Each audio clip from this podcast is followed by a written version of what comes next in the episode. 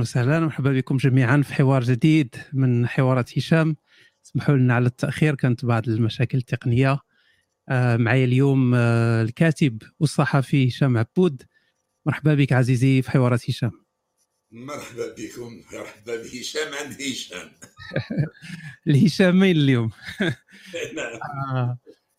يا قبل قبل يمكن قبل ما نبداو ربما كاينين بعض الناس آه، اللي آه، ما تعرفوكش فلو نديروا واحد آه، بحال واحد النبذه صغيرة عليك انت كنتي صحفي في الجزائر بديتي في أواخر السبعينات أليس كذلك؟ في أواخر السبعينات منتصف السبعينيات في منتصف. 74 أوكي يعني كنتي نشيط نشيط عندي 19 سنة في عمري كنت آه،. ما زلت في السنة الأولى في مدرسة الصحافة وبديت نشتغل اللي كانوا بكري في الجزائر كنا هكذا كانت الناس تدرس وتشتغل في القطاع ديالها بعد. OK يعني بديتي الخدمة وأنت ما زلت ما زال في الدراسة. أوكي. وأحسن تكوين صحفي هو في الميدان ماشي في مدرسة الصحافة. oui صحيح صحيح. ديما النظري ماشي هو التطبيقي حتى تدخل ال pratique تيكون هضره أخرى. OK آه، كنتي رئيس ديال تحرير آه، الطبعة الفرنسية ديال مجلة الجيش الجزائرية. في 79 79 ومن بعد آه، بدات آه، ربما في التسعينات بدات المصادرات بدات الملاحظات. لا لا قبل لا. أنا في 79 كان عندي 24 سنة في عمري. كنت كملت الدراسة في 23 درت سنة تدريب عسكري ودخلت لمجلة الجيش.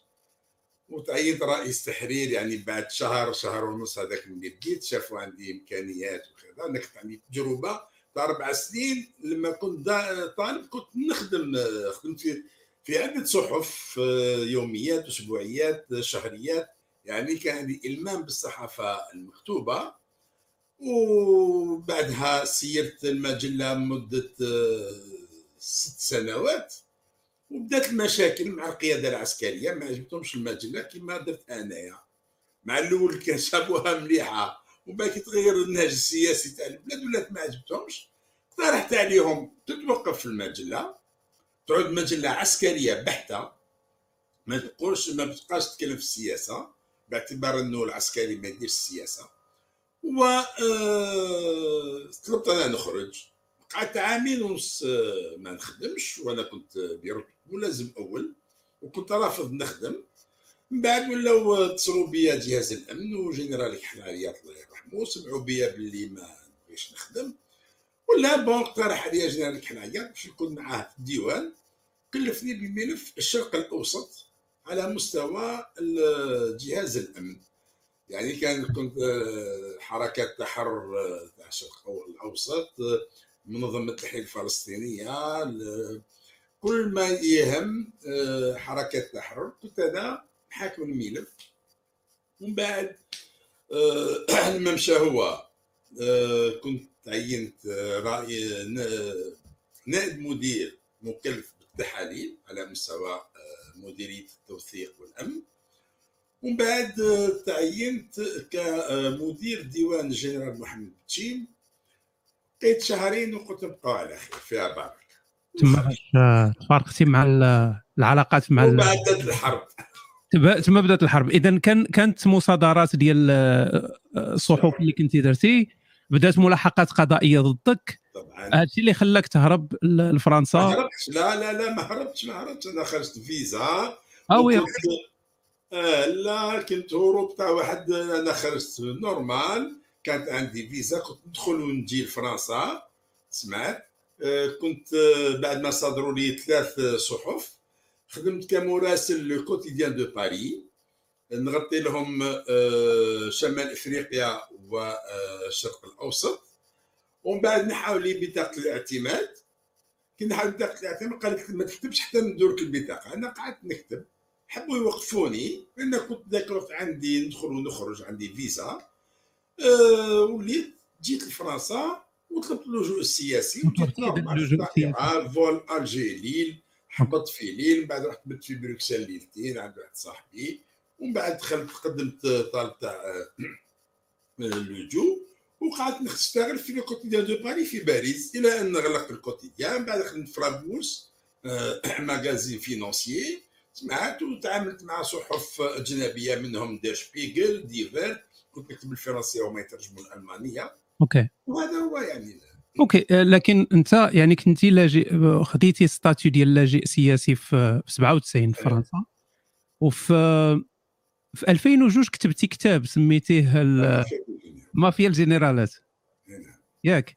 هذا الكتاب voilà. هذا هذا الكتاب هذا كيفاش جاتك الفكرة؟ واش كانت شي حاجة اللي مش شحال هذيك كنتي باغي تكتبها ولا بسبب يعني وجودك في فرنسا وبداو بحال اللي شنو شنو الدافع أنك تكتب الكتاب ديال مافيا الجنرال. شوف أنا بديته وأنا في الجزائر لأني لما خرجت من المؤسسة العسكرية أنا كانت عندي علاقات طيبة مع الناس كامل ومنهم مع القادة العسكريين. بدا منهم مثلا جنرال كحل عياط الله يرحمه اللي كان هو مدير الأمن العسكري لعده سنوات لما هو خرج وأنا خرجت ذاك الوقت وليت نمشي عنده للدار ونتلاقاو ونقصروا وكان آه، كان نحكي ونطلب منه شروحات.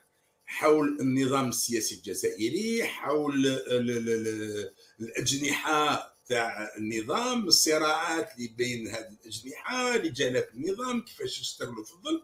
هو كان يعرف هذه الأمور هذا كان مدير مخابرات مدة تقريبا 10 سنوات. سمعت يعني كنت ناخذ منه وكي نحكي أنا راح ما راح نشره في جريدة. لأنه يعني مش ممكن انك تنشر الشيء اللي يقوله لك تنشره في جريدة. نفس الشيء كانت عندي علاقات مع الكولونيل قاسم رباح الله يرحمه. كي نمشي عنده نحكي وكذا ونسألو نقول له مثلا كيفاش صرا آه الانقلاب تاع 19 جوان 65 آه كيفاش آه فلان هدايا وصل للرتبة هذه. مثلا جنرال توفيق كان ذاك الكولونيل كان وحي آه كان تحت أوامره. لما كان ملازم أول نقيب يحكي لي مثلا كيفاش تسلق آه، جنرال توفيق وصل المناصب هذه وشني علاقاته مع رجالات donc ما كاش واحد يقدر يكون مطلع كيما أنا على ما يحدث داخل النظام وهذا من خلال الرجال اللي يعرفوا النظام من الداخل كذلك مع جنرال محمد بتين لما خرجنا لأنه لما كنت نخدم معاهم أنا الناس هادو كانوا يحترموني ونحترمهم. رغم أني كنت صغير في السن يعني ولكن كنت فارض الاحترام ديالي بالعمل ديالي بال sérieux ديالي بالجدية ويعرفوني أنا شوية راسي خشين. ما عنديش وين ندير بزاف كما نقولوا بال sérieux أه، donc مع جنرال محمد شي نفس الشيء نحكي معاه نسألو يعطي لي أمور يشرح لي ومن بعد كذلك تلاقيت مع ناس آخرين أه، مثلا كنت تلاقى مع الهادي خديري مع العربي بالخير أه، مع يعني نمشي عنده البيت نحكي معاه نقصروا على ال système كيفاش داير كيفاش كذا. donc هذه المعلومات الصحفي لما تجي معلومات هذه ماهوش راح يكتبها في جريده هذه ديرها في كتاب لأنه الشيء يبقى للتاريخ. هذا اللي خلاني لما خرجت لفرنسا بديت نحرر في الشيء اللي نعرفه وزيد بقاو ناس يتصلوا بيا. الإخوان لما يجوا لفرنسا لباريس يتصلوا بيا نحكي وكذا كيف كيف يفهموني. حتى لما خرجت الكتاب كان مفاجأة للكثير لأنهم يقول لك كل واحد يقول أنا ما عنديش مشكل معاك. لا حتى واحد ما عنده مشكل معايا وما عندي مشكل مع حتى واحد. كما نقول قلت مشكلكم مع الجزائر. مشكلكم مع الجزائر وانايا مشكلتي أني صحفي يلزمني نكتب. وما هو الصحفي اللي ما يكتبش ماهوش صحفي. هذا هو كيفاش كانت كيفاش كانت كيفاش كانوا لي رياكسيون على على الكتاب؟ يعني واش آه، تنهضر على من جانب السلطة يعني في الجزائر من جانب من جانب المافيا كما تسميها ومن جانب الشعب. يعني من الشعب الجزائري كيفاش تلقى الكتاب؟ نبداو بالشعب لأنه الشعب كامل يشوفوا الشيء اللي يقول فيه هذاك هو الواقع عايشينه سمعت يعني وزاد سمحت لهم باش يعرفوا علاش وصلوا لهذه الحالة هذه كيفاش وصلوا لهذه الحالة. دونك كان ترحاب كبير حتى داخل المؤسسه العسكرية. كان ترحاب كبير حتى من ضباط سامون. ضباط سامون اللي كان ناس نزهاء ونضاف عجبهم الكتاب وتلقاوه يعني لا. بقات المافيا آه، المافيا لما عملت أنا قبل ما يخرج الكتاب ست شهور من قبل عملت حوار مع Nouvel Observateur أه تكلمت فيه على بعض الأمور كشفت بعض الأمور وقلت بلي راح نخرج كتاب اسمه La mafia des généraux. وهذه كلمة La mafia des généraux جاتني عند المحامي ديالي الاستاذ خالد برغل اللي كان المحامي الوحيد اللي قبل يدافع عليا لما كنت في الجزائر. لأنه المحامي يقول لي انت مشكلك مع جنرالات مع كذا لما نكتب ولا في الصحف ديالي. يا يقول لي انت من المفروض راك تصاحبهم ما يحبسوا يصاحبوك وانت يا خرج لهم ضد. آه، الأستاذ خالد برغل كان زميل دراسه في الثانوية كنا في الثانوية مع بعض وإنسان شجاع يعني ومتمكن. هو اللي في اثناء المحاكمات اللي تحكمت فيها في الجزائر لأنه أنا كانوا يحكموا علي أربع مرات بالسجن أه واللي يعني كنت راح أروح فيها ب 20 سنة أه خرجت منها براءة يعني تحت مع رئيسه محكمة هايلة مراه يعني إحنا نقولوا دائما عيشه خير من ألف عياش ماشي غير خير من عياش. شنو هي التهمة؟ آه، اللي هي الأستاذ مافيا قال قال ماذا ضحية مافيا تاع جنرالات آه، هشام رئيس المحكمة قالت قالت لي واش شارينها لك؟ قلت لها هي باينة. يعني ما كان حتى شيء تهمة ما كان حتى تهمة. دار لي تهمة هي التهمة. آه، الاخلال بالنظام العام الاخلال بالامن العام والمساس بالمصالح العليا للأمة. OK. يعني تعافين كاع donc طبعا المافيا ما تقبلتوش. آه، أغلبيتهم بقاو يتسألوا وعلاش درت هذا الكتاب؟ ما عندهمش ما عنديش مشاكل معاهم أنا صح ما عمري ما كان عندي مشاكل مع أي واحد من هذو ما كانش ما أنا مانيش تاع اللي يخلي روحي نطيح كار ولا يعفسوني هذا ما كاش من أنا إنسان داير هكذا ما عنديش.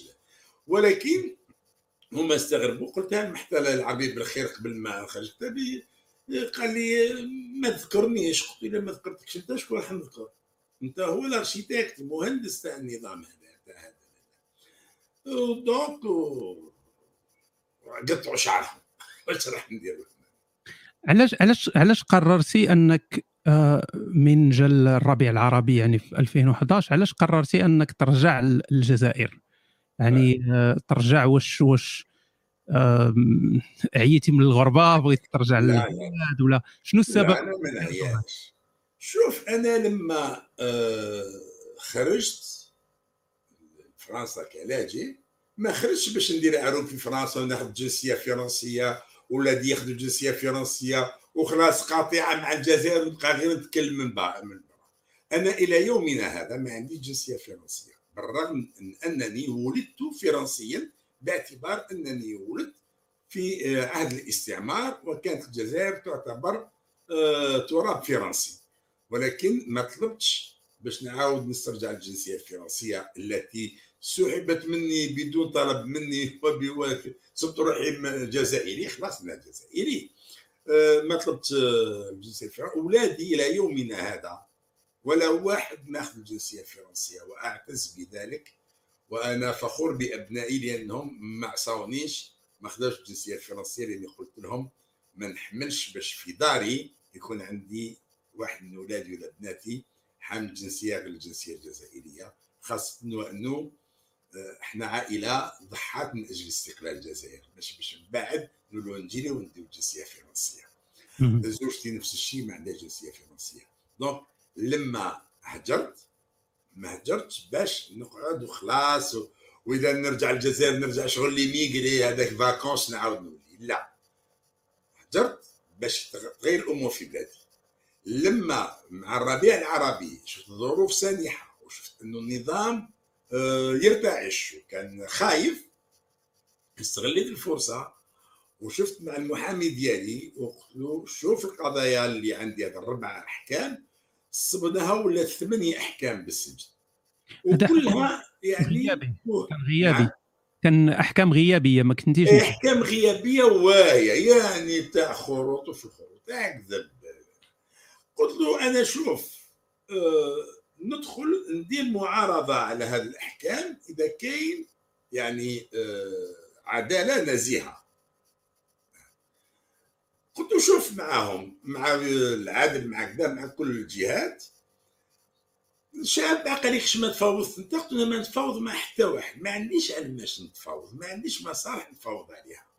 ما عندي علماش قلت له أنت شوف من الناحيه القانونية إذا القضايا هذو اللي عندي الأحكام اللي عليا يعني تهم صحيحة الصحه باينة. إذا كلها تهم واهية ما كاش. راك تعرف كاش التهم تاع اليوم برك المجلس الأمن. آه، المجلس الأعلى للأمن يخرج لك تهم ضد رشاد وضد الماك وضد المغرب وضد من نسيج خيالي. هذا نفس الشيء اللي كنت أنا متعرف له. المهم هما كان ماذا بهم نسكت. لأني كنت أزعجتهم كثير. ولأني كان عندي موقع اجيل بور كان قوي. درت مجلة آه، ذاك الوقت آه، اسمها راسي بوتروماد ودرت بعد مجلة واحدة أخرى لو بار يعني كنت زاعجهم بالمجلات ديالي آه، كنت ناشط ماذا بهم نقول لك يدخل يسكت. دخلت قعدت ست شهور وأنا نجري باش ندير جريدة. قدمت الطلب تاعي تاع التصريح في شهر جونفي أنا دخلت نوفمبر. جونفي قدمت الطلب. دابور كانوا كنت رشحت للانتخابات التشريعية تاع سنة 2012 وماشي أنا اللي حبيت نرشح. في مدينتي الأصلية في مبواكي العرش حبوا يرشحوني قال لك أنت على بالنا بيك لا اللي يشريك لا اللي يبيعك لا اللي الناس كلها بغاتني نترشح في النظام يعني رفض الملف. بطريقة تعسفية قلت ما عليه أنا ما كنتش باغي هذا الشيء هذا أنا ندير جريدة. خلاوني نستنى لغايه جوان لما هدت بلي نعاود نخرج ونمشي نكمل نضرب برا كما انايا نتصارع لداخل كما تصارعت معاكم من 92 ل 97 نتصارع لداخل مانيش تاع برا. آية في نهاية الأمر؟ قبلوا خلاوني ندير جريدة. واشنو قال لازم ندير زوج وحده بالعربية وحده بالفرنساوية. قال لأنه يستناوني نجيب واحد يشارك معايا من أصحاب المال باش هو يقدر يتحكم فيا. قال كلمة زوج يقول لي يا خويا أنا مصالحي الماليه راهي في اللعب ما تلعبليش بها ولكن قدرت ندير وحدي وتمحنت وكذا. وما دامتش ما طالتش لأنه بعد عام وشهرين. ما عام وشهرين بعد عام كنت نشرت مقال. 11 شهر في ماي نشرت مقال خبر حول عودة بوتفليقة إلى الجزائر من المستشفى من كان في فرنسا. قال لك ما تهدرش هذا. قلت له نهدر. حبسوا لي الجريدة يوم هذا كان يخرج فيها الخبر. قلبت عليهم الدنيا.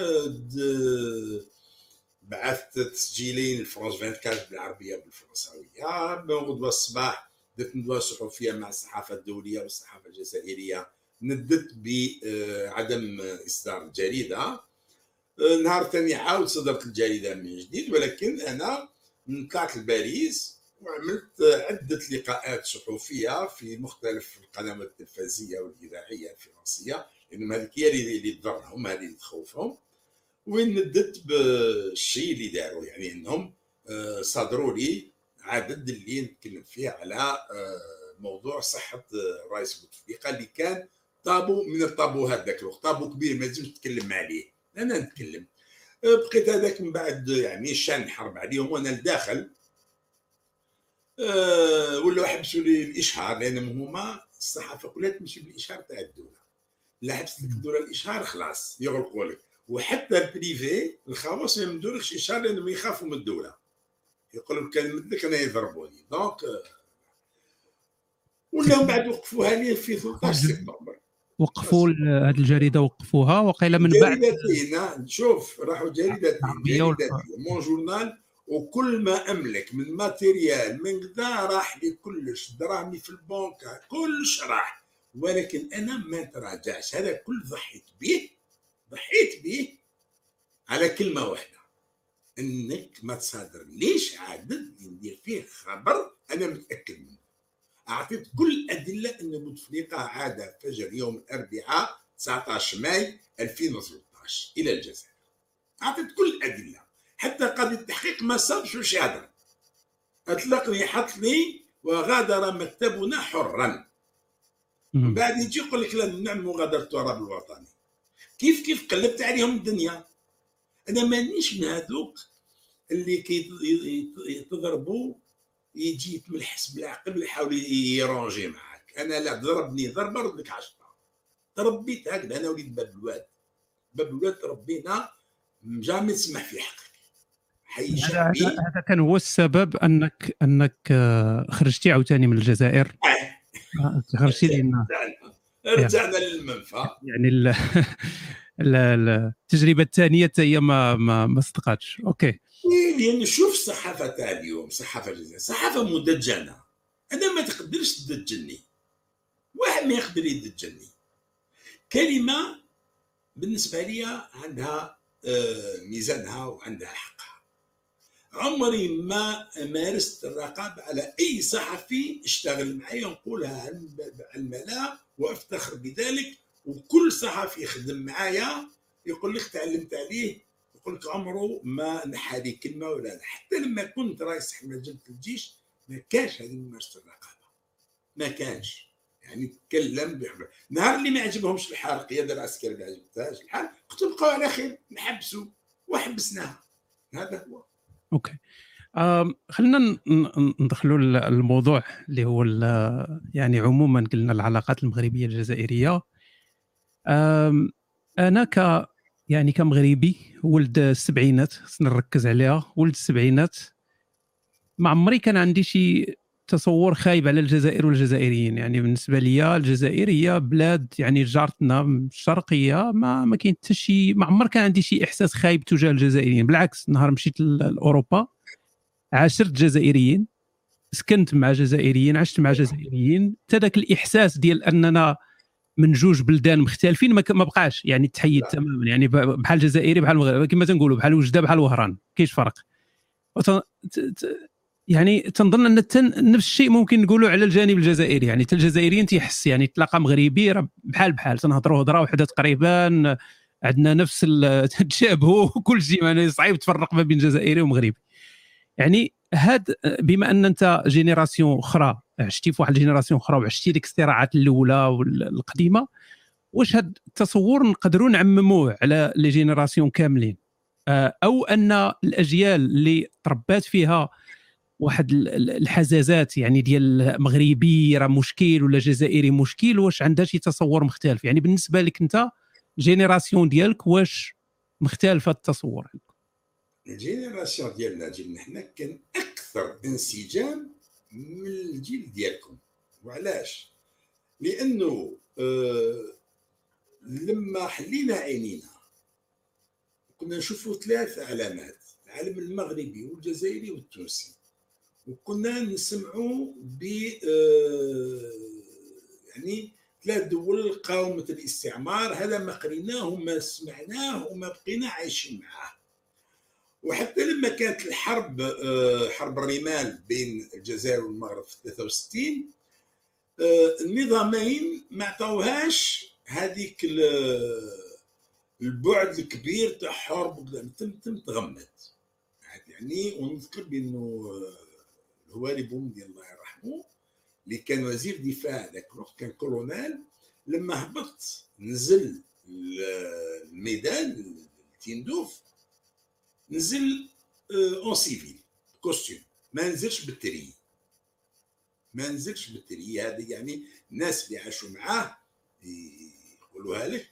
لما سألوا بن بله كان بن بله هو رئيس جمهورية ذاك الوقت قالوا كيفاش تهبط أنت ال front en civil بال costume قال له ماهيش حرب هذه ما نديرش حرب مع خالتي. لأنه بومدي كان عاش في المغرب. بن بلا ثاني كان عاش في المغرب. والمغرب كما تونس كانت قاعدة خلفية للثورة الجزائرية.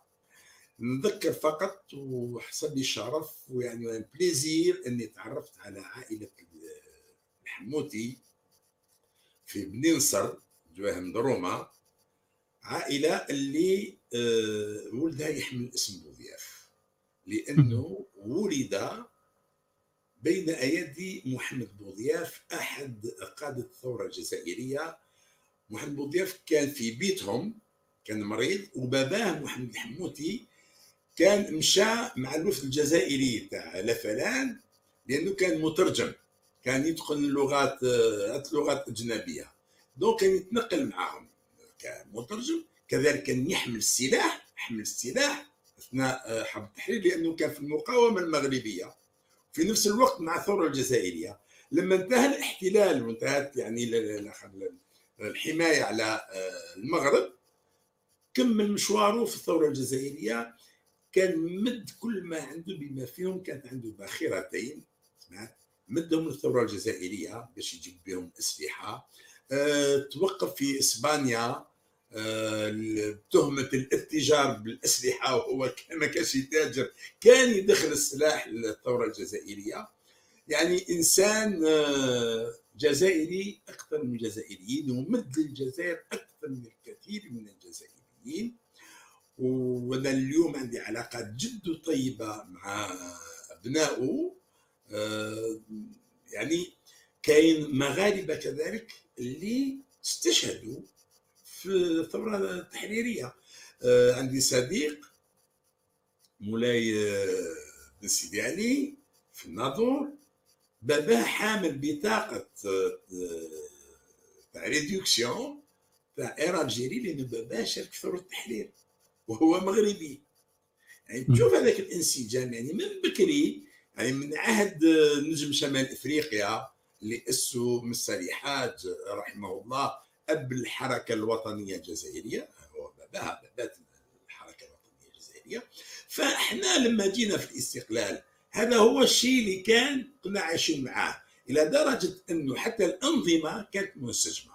كان فيه قطار يمر من يبدأ من دار البيضاء في المغرب يوصل حتى لتونس مرورا بالجزائر العاصمة. هذا ركبته مرتين هذا القطار هذا.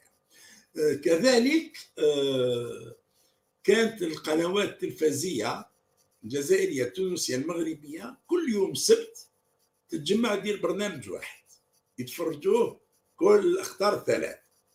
كانت بطولة مغربية مغاربية لكرة القدم يعني كأس آه، أبطال الأبطال لدول المغاربية كأس الكؤوس la Coupe des vainqueurs de Coupe.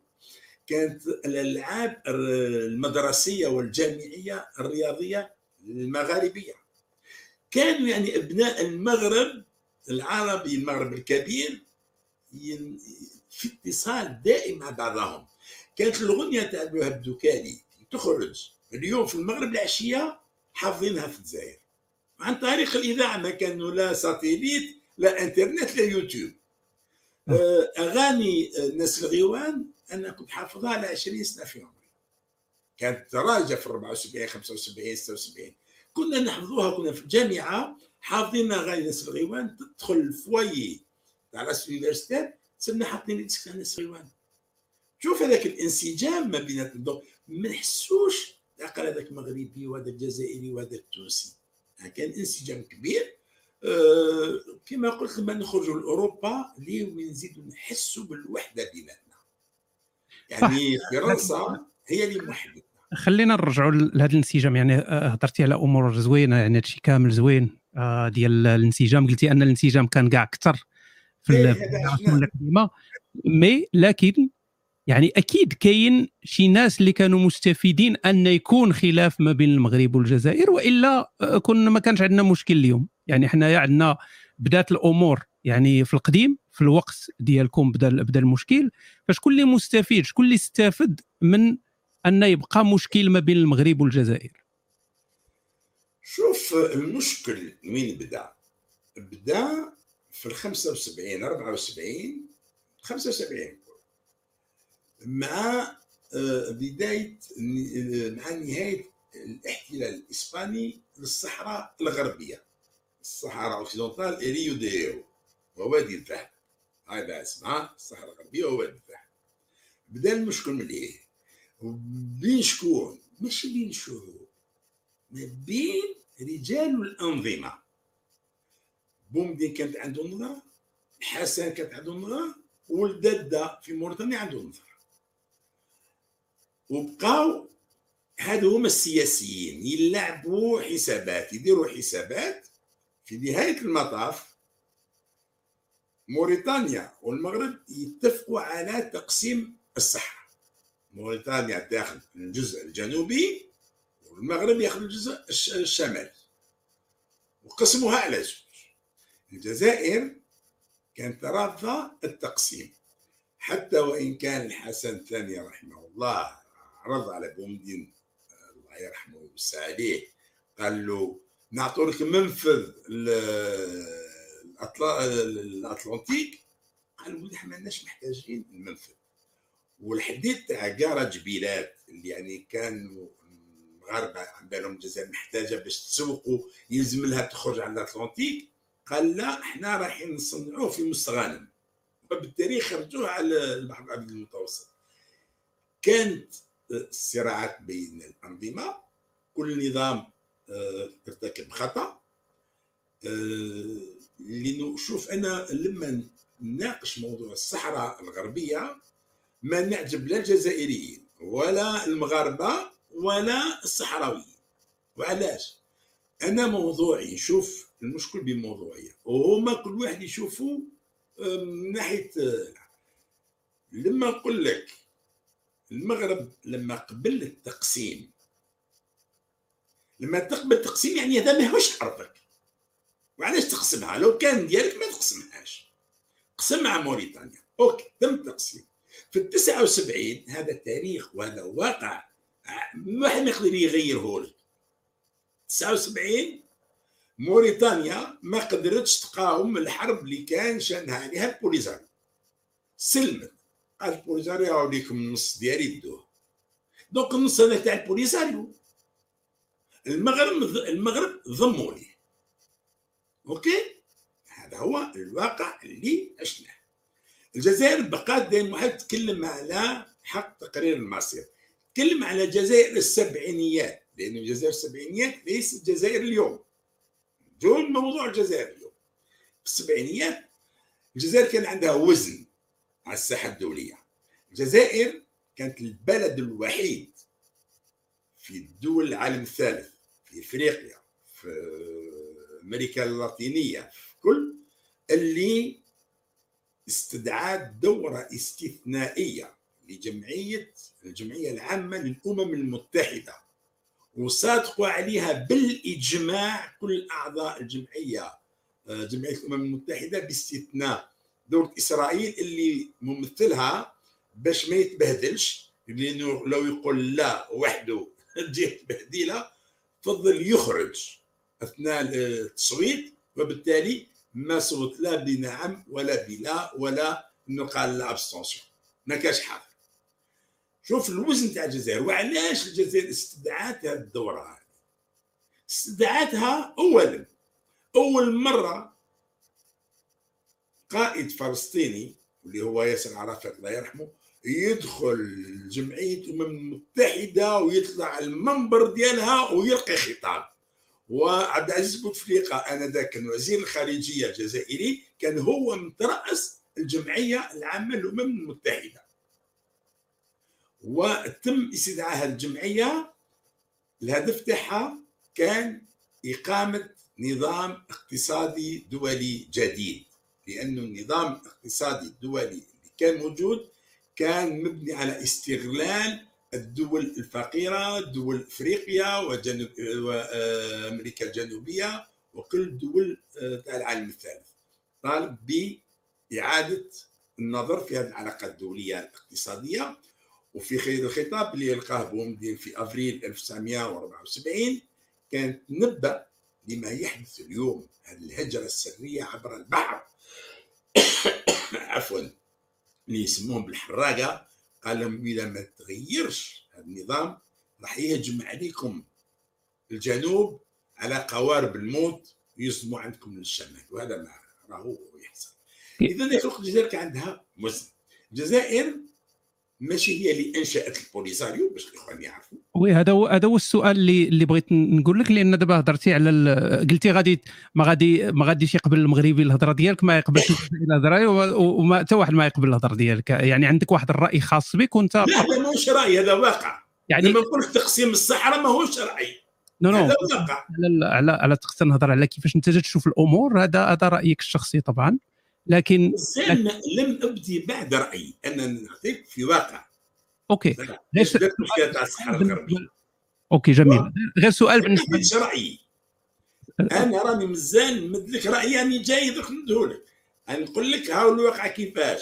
نهاية الاستعمار الإسباني للصحراء المغرب كان يحضر في روحه لهذه النهاية لأنه المغرب كان يعتبر أنه الصحراء. ارض ديالو كما كان يعتبر موريتانيا.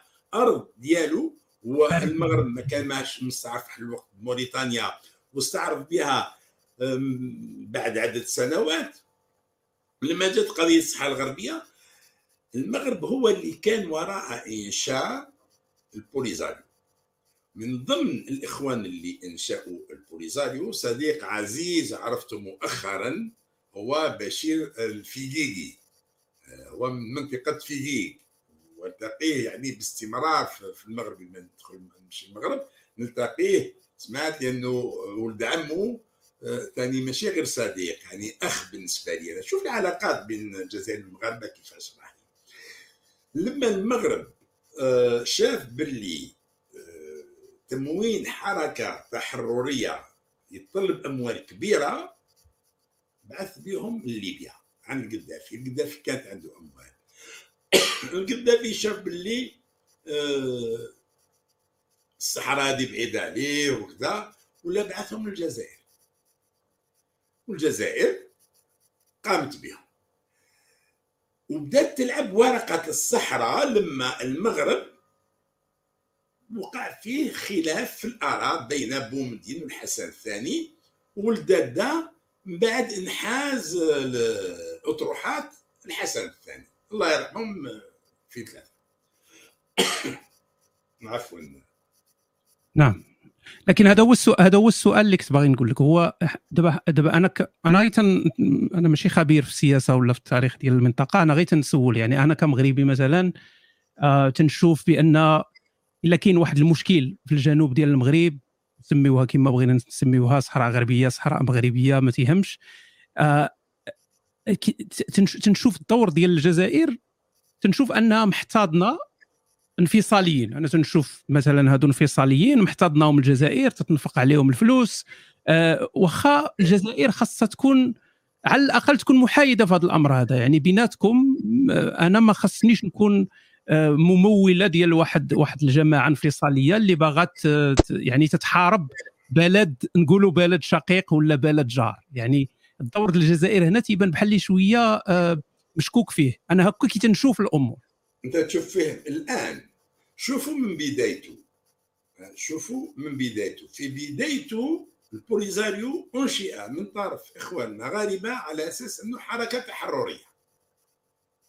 الجزائر لما جاوها جماعة البوليزاريو بعثهم القذافي خداتهم على أساس أنهم حركه تحررية. حركة تحررية الجزائر كانوا يقولوا لها قبلة الثوار. مكة الثوار. C'est la Mecque des révolutionnaires. Tous les révolutionnaires du monde. شوفوا في الجزائر هي مكة الثوار. تسلح تمون تعاون تمدوش عندها. على هذا الأساس إن أخذت البوليزاريو كحركة تحررية وليس كحركة انفصالية. بعد لما آه الأمور تقدمت والمغرب يعني خذا جزء من الصحراء وموريتانيا خذت جزء من الصحراء. ومن بعد موريتانيا تنازلت. والمغرب ولا زاد خذا الجزء الثاني اللي كانت نازله عليه موريتانيا. هذا واقع ماهوش رأي. مفهوم مفهوم لكن لكن الجزائر اللي كانت جايلك. الجزائر واش دير؟ OK. الجزائر لما جات تساعد حركة تحرريه كملت معها. كانت قوية ذاك لحقت إلى أنها خلقت دولة من العدم وبدون مقومات دولة. ودخلتها عضوة في منظمة الوحدة الإفريقية. واستعرفوا بها 76 دولة من إفريقيا من أمريكا الجنوبية. ومن آسيا. شوف يعني هذا كان لأنه الجزائر كانت دولة كانت قوة. كانت قوة قال نجي نعاونك حقروك هاو نمشي معاك à fond هذا هو المنطق اللي مشات به الجزائر. ولكن الجزائر تاع ذاك الوقت ما كانش تستنى تشوف باللي راح الأمور تبقى تدوم 46 سنة. ناس عايشة في الصحاري في ال vent de sable آه، ما عندهم حتى مستقبل. يولد في الرملة وتحت الشمس. إلى أن يكبر ما عندوش حتى حلم يبني بيت أو يكون عنده عمل. هكذا راهو حاصل للصحراويين اللي راهم عايشين في تيندوف اليوم شايف؟ الجزائر تاع السبعينات ما كانتش راح تخلي هذا الوضع هذا. داير آه، بومدين والحسن الثاني اللي هما يعني متسبين في الأزمة ما بين البلدين. أزمة سياسية.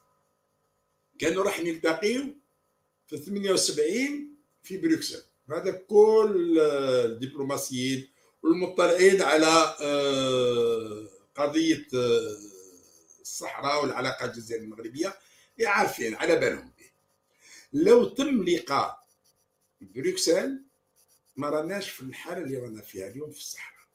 كان يوجد حل لأنهم رجلين يعرفوا واش يديروا ويعرفوا واش مصلحة المنطقة وأنه مصلحة الجزائر من مصلحة المغرب والعكس صحيح. ما كانوش يخلوها التمية. ولكن وفاة بومدين الله يرحمه خلات المشكل عالق. بقى عالق هذاك حتى اللقاء آه، زوج بغال في الحدود الجزائرية المغربية ما بين الشاذلي والحسن الثاني. بدأت العلاقات يعني تتحسن. وجاء الملك حسن الثاني وحضر آه، لقاء القمة آه، المغاربي ومن يعني آه، تم إنشاء لوما لونيون دو مغرب العرب الاتحاد المغربي المغرب العربي. بدات الأمور تحسن. جات 94 احداث مراكش شباب جايين من فرنسا قاموا بعملية إرهابية في أحد مقاهي جامع الفنا في مراكش مش 74 أم... لا مش 74 94 94 فوالا. نعم. 94 معليش أنا غلطت. 94 94 كان خطأ لأنه شوف اللي يخطأ قول له راك أخطأ واللي أصاب قول له أصبت. كان خطأ من الملك الحسن الثاني رحمه الله أنه أعلن الفيزا على الجزائريين بورتون كانت العلاقات في تحسن. أه، نذكر باللي في سنة 87 في رمضان شهر رمضان يعني نهاية شهر رمضان تم تبادل الأسرى أه، الجزائريين المغاربة. لأنه في 75 أه، كانت 76 فيفريي حصلت معركتين. وحدة سموها أمقالة الأولى وين الجيش آه، المغربي. آه، أحبس يعني كان عنده 105 اسرى تقريبا الجزائر كلهم تاع خدمه وطنية. 15 يوم من بعد الجيش الجزائري دار الكرة وخذا 210 إلى 215 أسير مغربي. وبقاو هكذاك من 76 حتى 87 في 87 تم تبادل الاسرى والعلاقات بدات تتحسن والعلاقات يعني كانت حتى على مستوى الرؤساء مستوى الأجهزة الأمنية. كانت الأجهزة الأمنية الجزائرية والمغربية يتلاقوا في إطار المجلس التعاون المغاربي. أنا شاركت في مجلسين في دورتين. شاركت في دورتين آه، تاع المجلس آه، الأمن المغاربي وكان تبادل علاقات يعني آه، طيبة بين البلدين.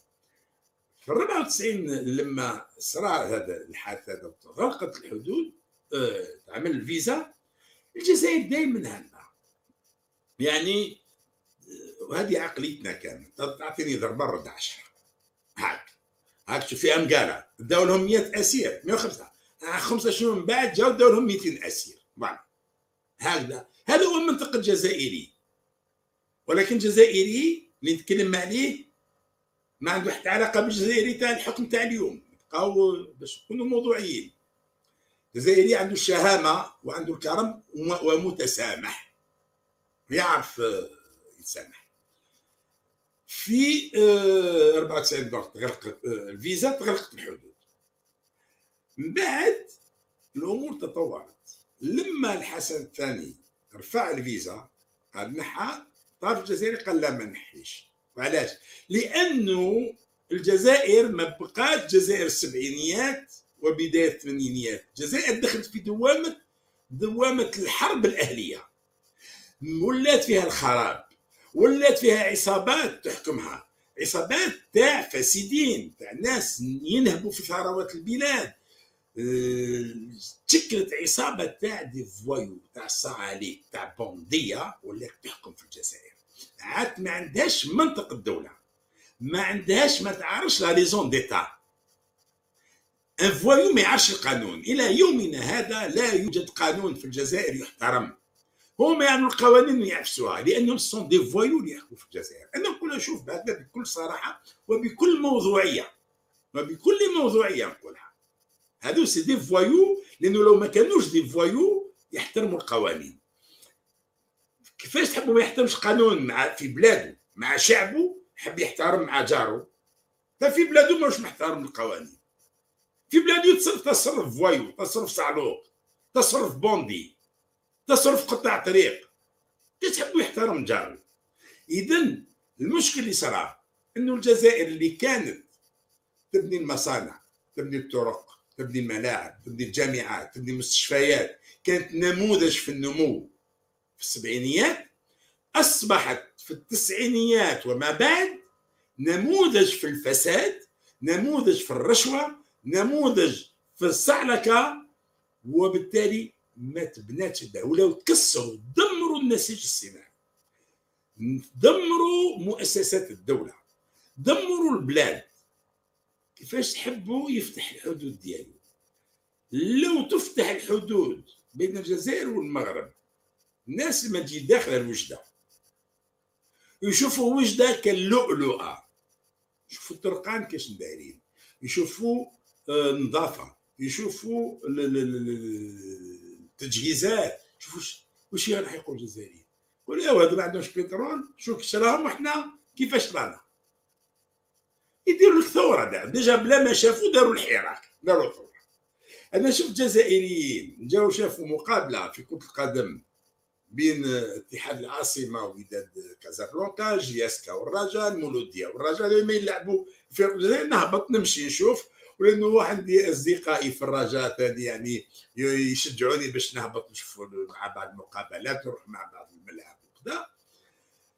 طبعا فرصه باش نلتقي مع آه، الجزائريين اللي يجوا يشوفوا المقابلة. ويعرفوني.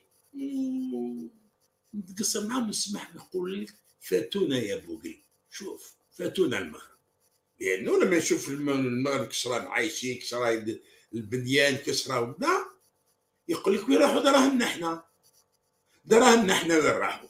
روح سقسي. زوج وزراء أولين.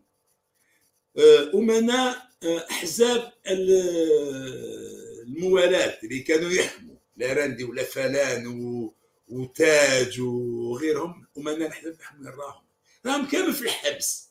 وزراء فوق ال 20 وزير فوق 30 جنرال فوق ال 25 كولونيل فوق كم من مدير ومن والي ومن مسؤول اللي راهم اليوم في السجون بتهمة الاختلاس. كم من رجل أعمال دار ثروة في ظل نظام الفساد. هاو علاش دراهمنا راحوا ما ما بنيناش واش بنا المغرب؟ إحنا كنا قادرين نبنيو 10 مرات واش بنا المغرب؟ لأنه عندنا مداخيل 10 مرات أكثر من المغرب. هذا اللي هاو علاش اليوم عصابة ولاد الحرام؟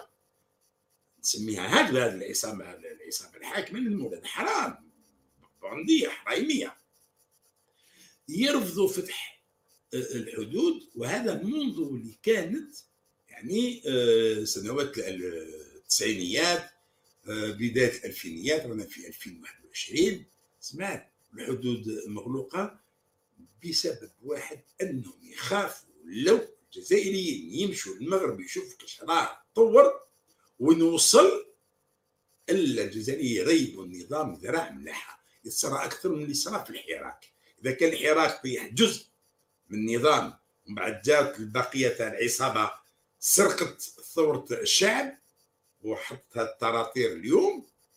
آه لو الجزائر نشوفوا شراها المغرب لا يطيحوا النظام الدرع ملاح يطيحوا درع لأنه الجزائر عندها مداخيل أكثر. إذا ما نعرفش مغربي راجل أعمال مغربي يمشي يشري فندق في برشلونة ب 60 مليون ويابوندونيه لأنه اللي شراه الجزائري شراه عليه حداد اليوم راهو في الحبس لأنه الدراهم ما عرقش عليهم. يعني كم من واحد يعني اليوم أي واحد تسيبوا الناس الهدف تاعهم يبدل دراهم دينار طيحوا له قيمته باش يروحوا يشريوا العقار في الخارج. واليوم تصبح حد شاريين ويتفرجوا فيهم ما يديروا لهم والو. ويعرفوا بعضهم منهم كلهم سراقين. نعم. ماشي اللي راهم في الحبس. ما اللي راهم اليوم في يسرقوا. ها عندهم نزار عايش يقول لك دوله تاع فوايوات؟ جنرال نزار محكوم عليه 20 سنة السجن. من طرف المحكمة العسكرية. تاع بوليدة. أهرب. لاسبانيا المحكمة تاع سيدي محمد في المدني عملت له مذكره توقيف دوليه وحجرت له حجر آه احترازي على أملاكه بتهمه تبييض الأموال تهريب الأموال سمعت؟ وأمور أخرى. السيد بقدرة دي قادر يرجع من إسبانيا في طائرة رئاسية أدية التحية العسكرية وهو جنرال متقاعد يتحروا ويديروا التحية العسكرية. ويدخل الجزائر يعفس في القضاء العسكري ما يعطيوش ربع قيمة قال يمشي على الأقل يدخل للسجن يعمل إفراغ لمذكرة التوقيف يقف أمام المحكمة ويحكم عليه بالبراءة ولا بانتفاء الدعوة ولا باللي بغاو. ولا هذه ما يديرهاش. بالعكس يفرض آه، محاكمة فورية لزميله جنرال توفيق اللي كان محكوم عليه في الابتدائي وفي en appel في الاستئناف حكم عليه 15 سنة حبس. الطعن normalement يجيب بعد عامين ثلاث سنين. مجسمنا بعد عودة النزار. يعني أقل من ثلاث شهور ولا أربع شهور من الاستئناف. هما كانوا ثلاثة محكوم عليهم يخرجوا توفيق يخلوا الزوج الآخرين لأنه اللي محتاجينه هو توفيق. هذو زوج مجرمين تاع سنوات التسعين. مع زوج مجرمين تاع سنوات التسعين.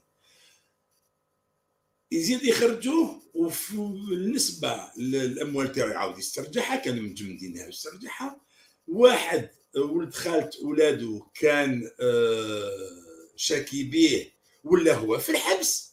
راه محكمين عليه بعام حبس أنا يحكموا لي في نفس القضية بسبع سنين حبس لأني نشرت الوثائق ديالو. أنه سرق أموال وشرى تيران في تيراغونا 6000 متر مربع وشرى شقة ب 98 متر مربع في برشلونة العنوان التصور عطيت كل شيء. وثائق الملكية نشرتهم قال هذه مسيت أسرار الجيش ومسيت معنويات الجيش. يحكموا عليها بسبع سنين آه، غيابيا. هادشي كامل هادشي اللي اللي ذكرتي لنا دابا يعني ديال نقدروا نسميوه آه، تاريخ المافيا ديال الجنرالات. لكن السؤال السؤال دائما هو واش واش الجزائر محكوم عليها انها تبقى دائما تحت هذا الحكم العسكري هذا الحكم ديال المافيات واش ماشي من حق مثلا الشعب الجزائري انه يعيش واحد الحياة يعني انه ما تسرقش الثروات ديالو آه، الغاز والبترول موجود فلوس موجودة. يعني الجزائر خاصها تكون واحد الحالة أحسن بزاف بكثير من الحالة اللي عليها دابا يعني بعض المرات تشوف الحالة تقول ما يمكنش. يعني ما كاينش انسجام بين المداخيل ديال الدولة. يعني هاد الخيرات هاد اللي عند البلاد وبين الحالة اللي اللي عايش عايش فيها الشعب فما ما, ما خدامش هذا الشيء. آه علاش العسكر مازال متحكم في المشهد السياسي في, في الجزائر؟ يعني شنو اللي تيعطي القوة لهذه المافيات هذه أنها تبقى دائما هي اللي حاكمة؟ شوف هي البداية بدات مع ثورة التحرير. لأنه ثورة التحرير اللي قاموا بها جيش جبهه التحرير الوطني وكان لابد يكون عندها جيش باش تقاوم بالسلاح آه، الاستعمار الفرنسي. الجيش الجزائري الوحيد في تاريخ الأمم اللي ما تكونش في مدارس حربية وفي اكاديميه اكاديميات عسكرية. واللي الجنود ديالو ما التحقوش باش يديروا une carrière يكملها سواء adjudant-chef اذا كان sous-officier ولا يكملها كولونيل ولا جنرال لا دخلوا طالبين الشهاده طالبين الاستشهاد ناس كانت تلتحق بالجيش باش تستشهد في ميدان الشرف هذا الجيش الجزائري تشكل من فلاحين عمال شمارة منهم بعد زادوا يلتحقوا بهم الطلبة القلايل اللي كانوا كانت أقلية الطلبة تأسس الجيش الجزائري المؤسس ديالو اللي من بعد هيكلوا لأنه ما كانش مهيكل كانوا هز الفوشي وروح ضرب وفات ما كان لا تدريب لا والو. في 58 آه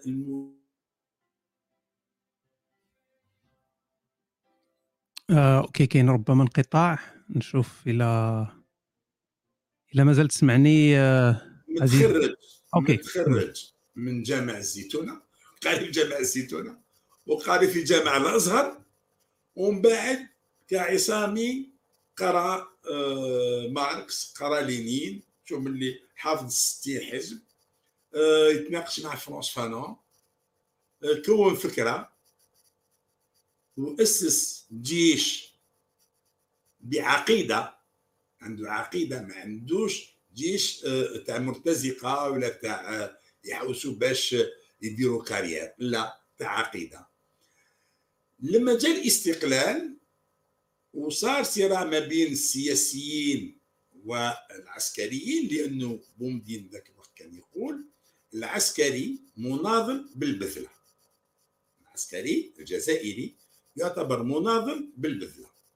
وهذا خلى في فلسفة آه، الجيش الجزائري إنه مدة حكم بومدين ما كانش يتسلح ما كانش يصرف على الجيش كانت كل أموال للتنمية الاقتصادية والألف الألف قرية فلاحية. ساهم في بناء الطريق الصحراوي اللي يمتد من الجزائر إلى حدود النيجر وحدود مالي. ساهم في بناء السد الأخضر اللي آه، باش يوقف الزحف تاع الرمال نحو الشمال. الجيش الوطني الشعبي كان يساهم في آه، الناحية الصحية. الأماكن اللي ما يمشوا لهاش الأطباء المدنيين يمشوا لها يمشوا لها لما يأديوا الخدمة العسكرية لأنه الجيش متواجد هناك. جيش وطني شعبي بيتم معنى الكلمة ولما كان يحكم كان يحكم باش يخدم ماشي باش يسرق. كان مثلا لما قطاع السكن يشوفوا فيه خلل محتاجين باش ياخذ يعني آه، ضربة قوية مليحة يمشي بدا واش يدير؟ كانت آه، تعاونية الجيش الوطني الشعبي على رأسها آه، كابيتان اوشيش كولونيل أوشيش قال يحولها إلى وزاره السكن ما دام تبنيهم مليح السكنان أي أبني السكنان للشعب ما عادش تبني للجيش برك تبني للشعب. آه، قال آه، كاين كرة القدم سما سما شبا ها ما مشاتش مليح كرة القدم. أي جيب فريق العسكري تاع كرة القدم جيب المدرب ديالهم. شكون كان المدرب تاع الفريق العسكري؟ رشيد مخلوفي اللي كان زيدان تاع وقته سمعت؟ ويجيب رئيس الاتحادية مدير الرياضة العسكرية الكوموندون بقى الله يرحمه. يعني الجيش يدخل يساهم والجزائر تفوز. لما يجيب على انه كاين حسم وكاين ديسيبلين وكاين كذا منا على هذه تجيب دائما قراك عسكري يحطوا ليه يمشي القطاع ماشي باش يسرق درك لا عاد لما تحط جنرال دائما أنا شفت مع القطاعات تحطوا أو قاعد يسرق وينهب ويدير ما بقاتش الفلسفه تاع الجيش الجيش اللي كان يحكم في السبعينيات ومنتصف الثمانينيات كان جيش عنده الشرعية ثوريه إنه ساهم في تحرير الوطن وكانت الفلسفة يقول لك بعد الجهاد الأصغر اللي هو تحرير الوطن الجيش يخوض الجهاد الأكبر اللي هو تنمية الوطن بناء الوطن. وهذا اللي خلى آلاف الجامعيين منهم أنا لما كنت في الجامعة انخرط في جيش التحرير في الجيش الوطني الشعبي. وعلاش؟ يقول لك لأنه أنت صحفي روح تخدم في الصحافة. أنت طبيب روح طبيب. أنت انجينيور روح تخدم انت راك عسكري. تساهم في القطاع ديالك في إطار عسكري إطار منظم تخدم بلادك. العسكريين تاع اليوم ما عندهم لا شرعية تاريخية ولا شرعية ثورية. ما عندهم حتى علاقة بثورة التحرير. خلاص هو تاع ثورة التحرير. بقى واحد عنده 90 سنة يكركر في الصباط خائن دم الشهداء. هو بن علي بن علي. لو كان وفي دم الشهداء ما يخليش شنقريح وتبون ونزار اللي كان يعني مندس من طرف فرنسا في صفوف الجيش التحرير ما يخليهمش يعثوا بالجزائر. هذا ما عندهمش دونك شرعية ثورية ما عندهمش شرعية تاريخية ما عندهمش شرعية الصندوق. أنت ما عندك بأي حق تجي أنت كعسكري تزور انتخابات. بأي حق. هذا ما يحدث دائما نؤخرها في الانتخابات الرئاسيه آه، شوفوا بأنه تبون مثلا ما قدش ما يعمل حمله انتخابيه ومدير الأمن الداخلي اليوم راهو في الحبس جنرال بوعزة. أه معليش راهو في الحبس. على خاطر زور الانتخابات ضد تبون دونك تبون يقول له تخلص وجماعة تبون يقول له تخلص. هذا اللي راهو حاصل. السيد واش يقول لك؟ إنه رئيس آه، الهيئة المستقلة لمراقبه الانتخابات محمد شرفي يعيط له مدير الأمن الداخلي ويقول له جيب هذاك الخبير تاع وزارة الداخلية اللي يشرف على الانتخابات من ناحية آه، الإعلام الآلي يقول له أرواح ويقول له هاك تزور الانتخابات. قال له يا خويا ما نقدرش نديرها. أنا عندي شيء نديرو لها. هاك ما قال له مالا مد المعطيات كامل للكولونيل اسكندر والكولونيل اسكندر ب تحت رقابة يعني برعايه آه، هذا رئيس الهيئة المستقلة لمراقبة الانتخابات. يعني يزوروا الانتخابات وهو معهم. في الصباح لما قالوا لقيت صالح اللي فاز هو ميهوبي قالوا لا اللي فاز هو داعينا هو آه تبون هاي كيفاش تم الانتخابات وعلاش نقول اليوم يعني شو نرجع لموضوع الصحراء اللي العصابه الحاليه اللي متشبثه بموضوع نعم. الصحراء أكثر باش باش نفتحوا الباب ديال الاسئله حتى الوقت شوية تزير لك برك بسرعة أوكي. آه، هادو يمنعوا الشعب الجزائري من تقرير المصير. ما يخلوش يصوت كما وش ولا الشعب الجزائري؟ يضرب على الانتخابات. يقاطع الانتخابات.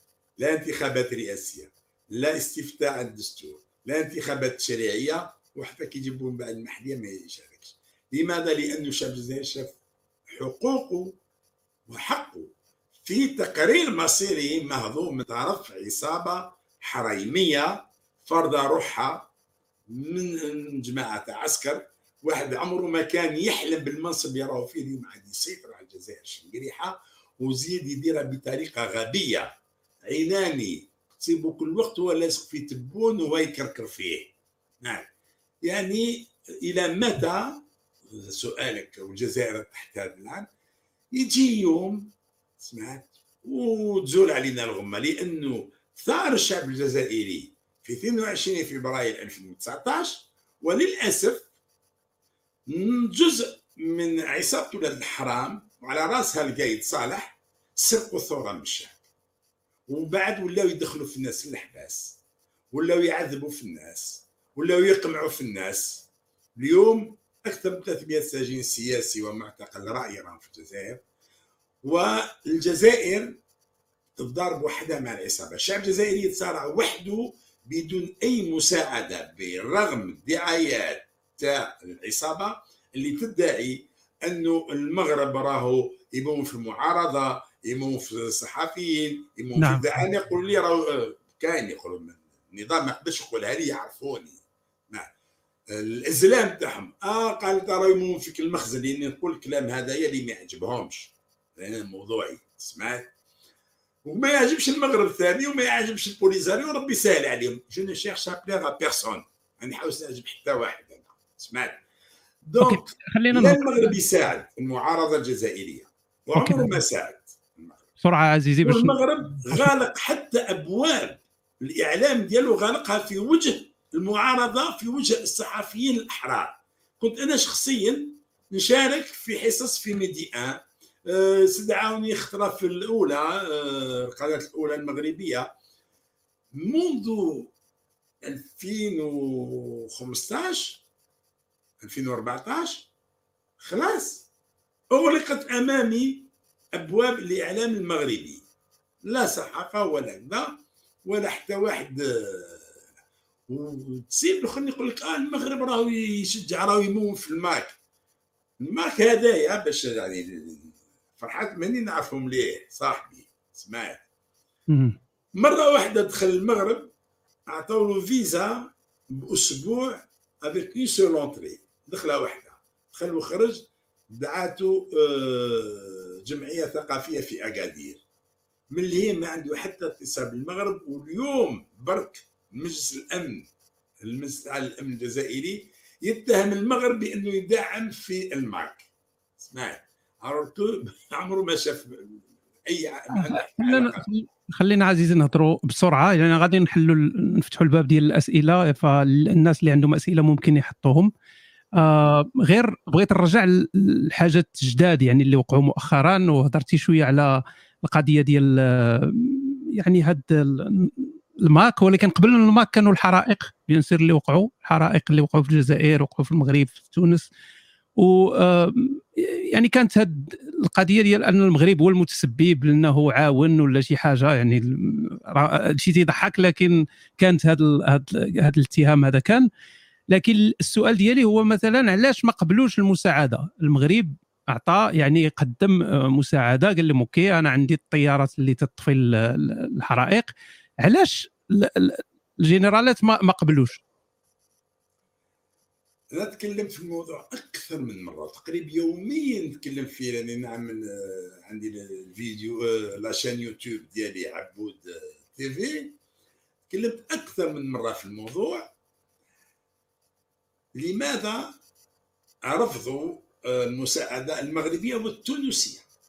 لأن تونس قيس سعيد تكلم في التليفون مع آه، تبون وقال له عندي طائرة عسكرية مخصصة لإطفاء النيران.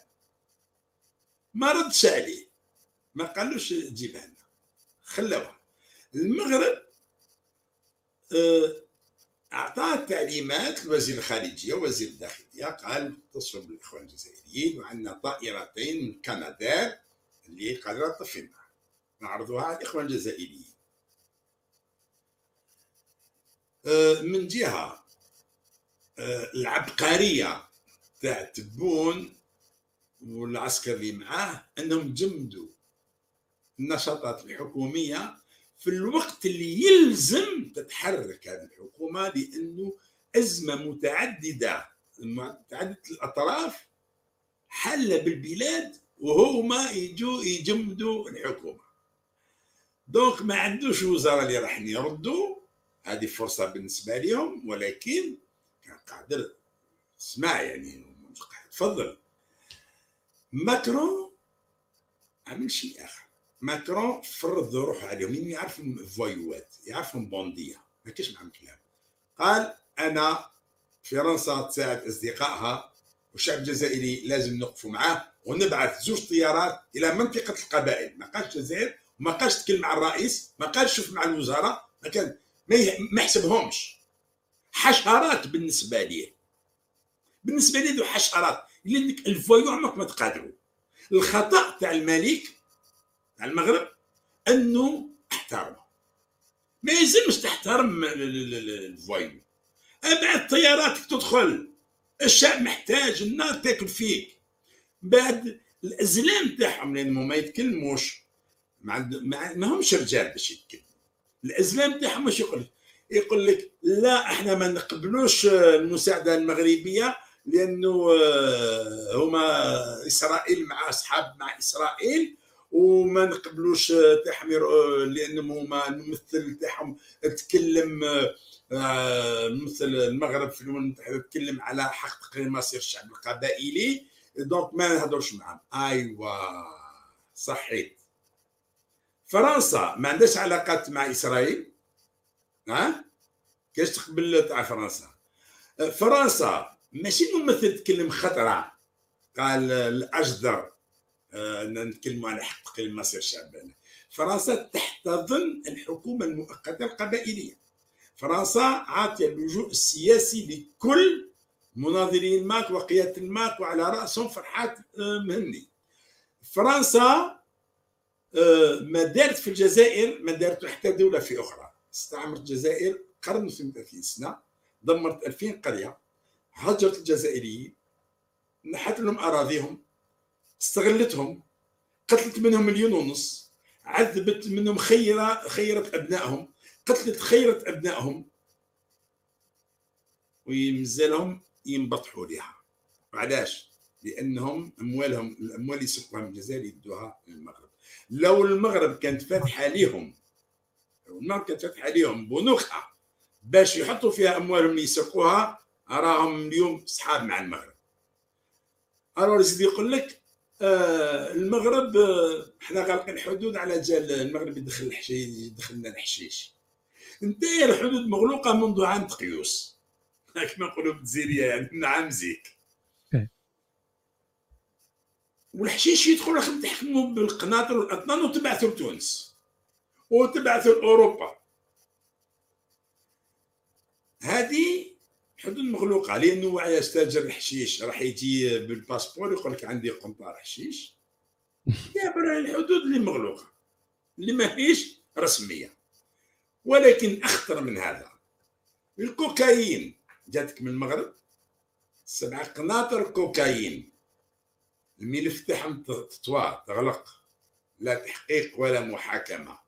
سبع قناطر كوكايين تاع باش تقتل الشعب لأنه هذه جنرالات موراها. وبعد سبع قناطر ثلاث قناطر كوكايين أخرى في سكيكدا خمس قناطر كوكايين مؤخرا في أرزاو. ها؟ تجي تقول لي أنت لا. درك علاش يرفض مساعده ما عندوش جرأة باش يرفض. تجاهل. كما تجاهل رسالة التهنئة بمناسبة 5 جويلية عيد الاستقلال. كما تجاهل رسالة التعزية آه، لضحايا الحرائق. كما تجاهل الدعوة للحوار. لماذا يتجاهلون؟ لأن ال voyou عمرك ما تكلموا. كلمه يطيح لك الكلام. يطيح لك القدر لأنه انت عندك قدر هو ما عندوش. voyou ما يعرفش يتحاور وهذا هما فوايوات يحكموا في الجزائر. هذو شفنا اللي كان شادي مع كل مسائل المساوئ تاعو كان في الحكم. مع مفاوضات سرية بعدها يتلاقى تلاقى مع الملك مع الحسن الثاني. وتفاوضوا بدأت الأمور تمشي قدام ولكن اليوم عندك فيوات على رأس من وعندك فيوات اللي وراء الستار. أكبرهم خالد نزار. اللي عنده مشكلة تاريخية مع المغرب. المشكلة التاريخيه مع المغرب وين؟ هو أنه لما دوغول أعطى أمر باش يرقيو البعض من أخبث صف ضباط الجزائري اللي كان في الجيش الفرنسي يرقيهم يعرف بالضابط ويدسوهم يمشيوا يتغلغلوا في صفوف جيش التحرير باعتبار يعني بادعاء إنهم هاربين فروا من الجيش الفرنسي. نهار اللي دخلوا جاو كي جاو يدخلوا على المغرب تبلوكاو لأنه في المغرب كان موجود المعلم. المعلم تأسس في المغرب بشباب جزائري من مواليد المغرب في اغلبيتهم لما يجي واحد يقول له أنا راني هارب راني sous-lieutenant ويحكي له يقول له كنت sergent وطلعوا لي وكذا ومنا ويشوفوا باللي دعتولوش يقتلوه. قتلوا منهم العار ولاو عادوا يدخلوا على تونس على قرن الحلفاية. وحضروا الأرواح مليل باش يدخلوا ودخلوا وتغلغلوا. وإلى يومنا هذا هذا النزار مازال له راه يقود لأنه هو اللي آه، يمثل اللوبي الفرنسي اللي قاعد عنده نفوذ في الجزائر ويسيطر على كل ما يحدث في الجزائر. لأنه الجزائر بقات شوكة في حق فرنسا ما تنساوش يا جماعة أن الجزائر هي التي دمرت الإمبراطورية الفرنسية. فرنسا كانت إمبراطورية كبيرة. كانت ماخذة نص إفريقيا.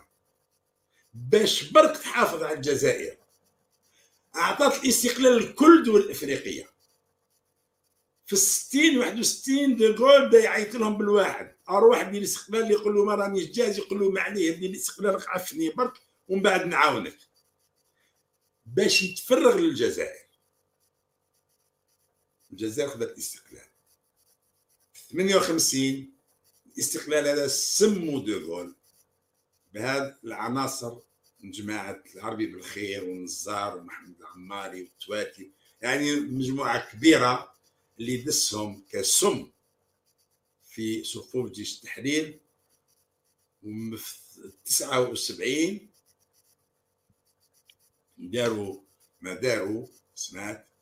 OK. آه OK بعد وفاه الهواري الله يرحمه نفتحوا نفتحوا الباب ديال الأسئلة. هادو الأسئلة ديال الناس هما أسئلة كثيرة بزاف. فلذلك كنطلب منك إلى ممكن إلى ممكن تكون أجوبة خفيفة بالسربة يعني كل سؤال. أنا باش اللي راني جاوب déjà على الأسئلة تاعها آه راه جاوبتي. أنا أنا ما طرحتش بزاف الأسئلة لأن déjà أنت في, في الهضرة ديالك جاوبتي على بزاف الأسئلة ضمنية.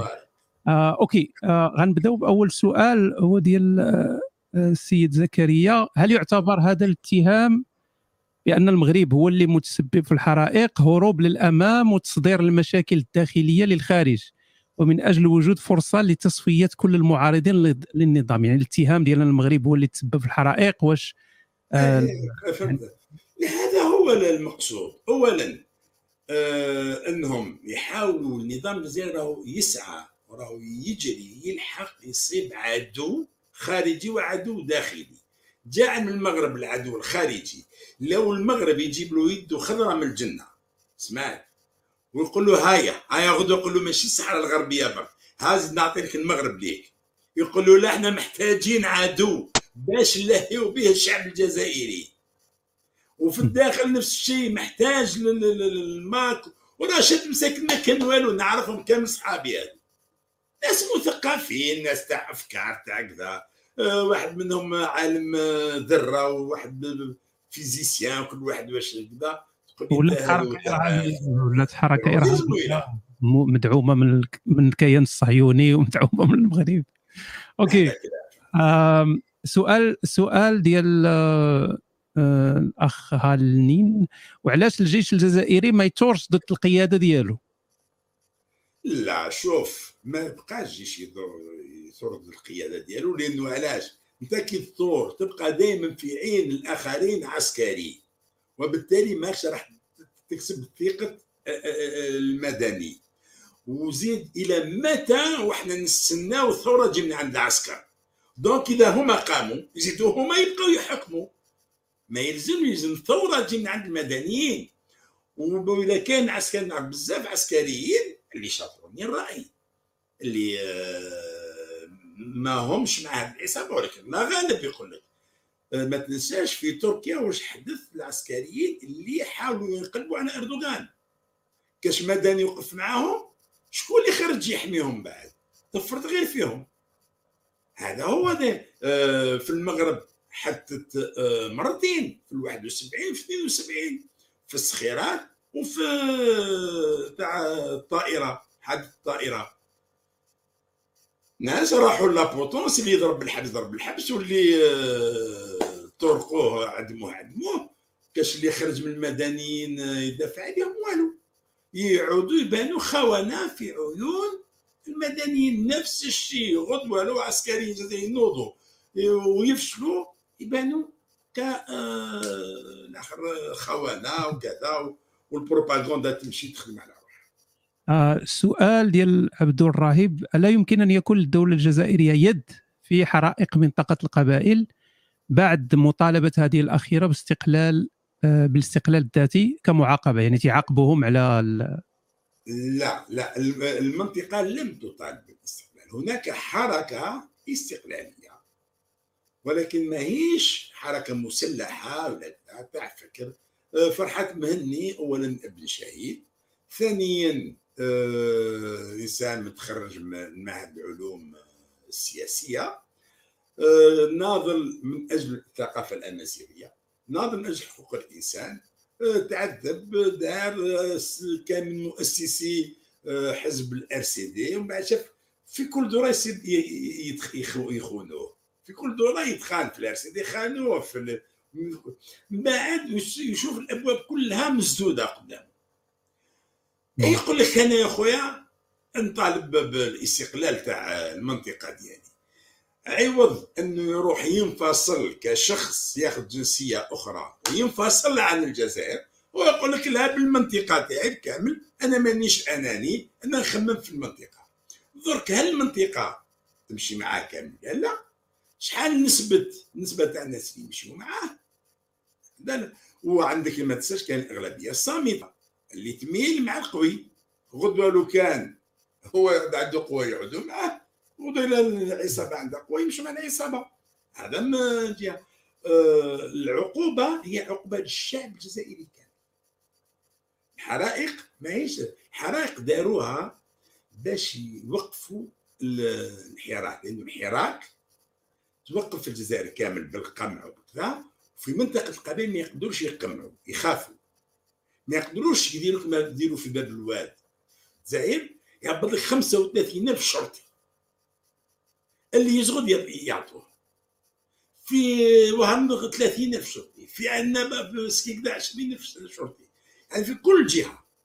في منطقه القبائل ما يقدروش يعملوا انزال تاع الشرطة وبالتالي صابوهم من العفسة. هذه خلاو d'abord بقات ثلاث آه، أسابيع أربع أسابيع. والحراك يخرج في منطقة القبائل. ما جابهم داو لهم بالكورونا قطعوا عليهم الأكسجين قطعوا عليهم الدواء قطعوا عليهم كلش ومن بعد لو كملوها لهم بالحرائق. OK. OK مفهوم. سؤال آه شنو هو التصور ديالكم للمستقبل العلاقات المغربية الجزائرية في المستقبل القريب والبعيد؟ شوف العلاقات الجزائرية المغربية بغض النظر عن الأنظمة. بين الشعوب تبقى علاقات بين الشعوب ما يزعزعها ريح. أنا نعطيك أمثلة يا أخي وشوف. أنا لما ندخل ننزل في المغرب المطار الناس يعرفوني عبر اليوتيوب كذا غير اللي يرحب يزيد نحس روحي واني في الجزائر. نحي شخصي نعطيك أمثلة صحيحة. في التسعة وسبعين تسعمية وألف ما كانش حاجة. اللي تقلب الشعوب والناس وذا كما كرة القدم الشوفينية تخرج. لو نقارنها مع مصر مصر زعما يجي يقول لك أخي وأخ العرب وكذا أنت تجي تلعب ماتش فوتبال يضربك قبل ما انت تلعب يضرب فيك. لحقوا أنهم يجريهم الجزائريين يضربوا فيهم والجزائريين غالقين على أرواحهم. طردوا طلبة طردوهم من مصر. ما يكملوش قرايتهم. على جال ماتش فوتبال. حنا في 79 فريق الجزائري راح يلعب تصفيات الالعاب الاولمبيه تاع 80 تاع موسكو في المغرب. فريق كان صغير. عصاد ماجر بلومي مرزقان عندهم 21 سنة 20 سنة في عمرهم. والمغرب كانوا عندها فريق كبير. يعني اسماء وكذا لما دخلوا الملعب محمد الخامس في دار البيضاء على يعني بلان. معمر الجمهور كامل يعني داير حماس كبير وزيد مسيسين الجمهور. الصحراء صحراؤنا عاش الملك الجزائر كذا الجزائر كذا. دخلوا يترعدوا. هام يلعبوا ماركاو بيت زادوا الثاني. زادوا الثالث. الجمهور كامل عاد يصفق الجزائر. ربحوا خمسة واحد. خرجوا الجزائريين تقول يقول لك تقول أنا في الجزائر يصفقوا لهم. شوف يعني الأخوية ما بين الشعوب مؤخرا الرجاء البيضاوي يغلب المولودية في الجزائر. في وقت المأجين والعصابة مأجه العلاقة. خرجوا تحت. تصفيق الجماهير ويغنيوا مع بعضهم. وأنصار الرجاء باتوا عند أنصار المولوديه في ديارهم ولما أنصار المولوديه راحوا للدار البيضاء.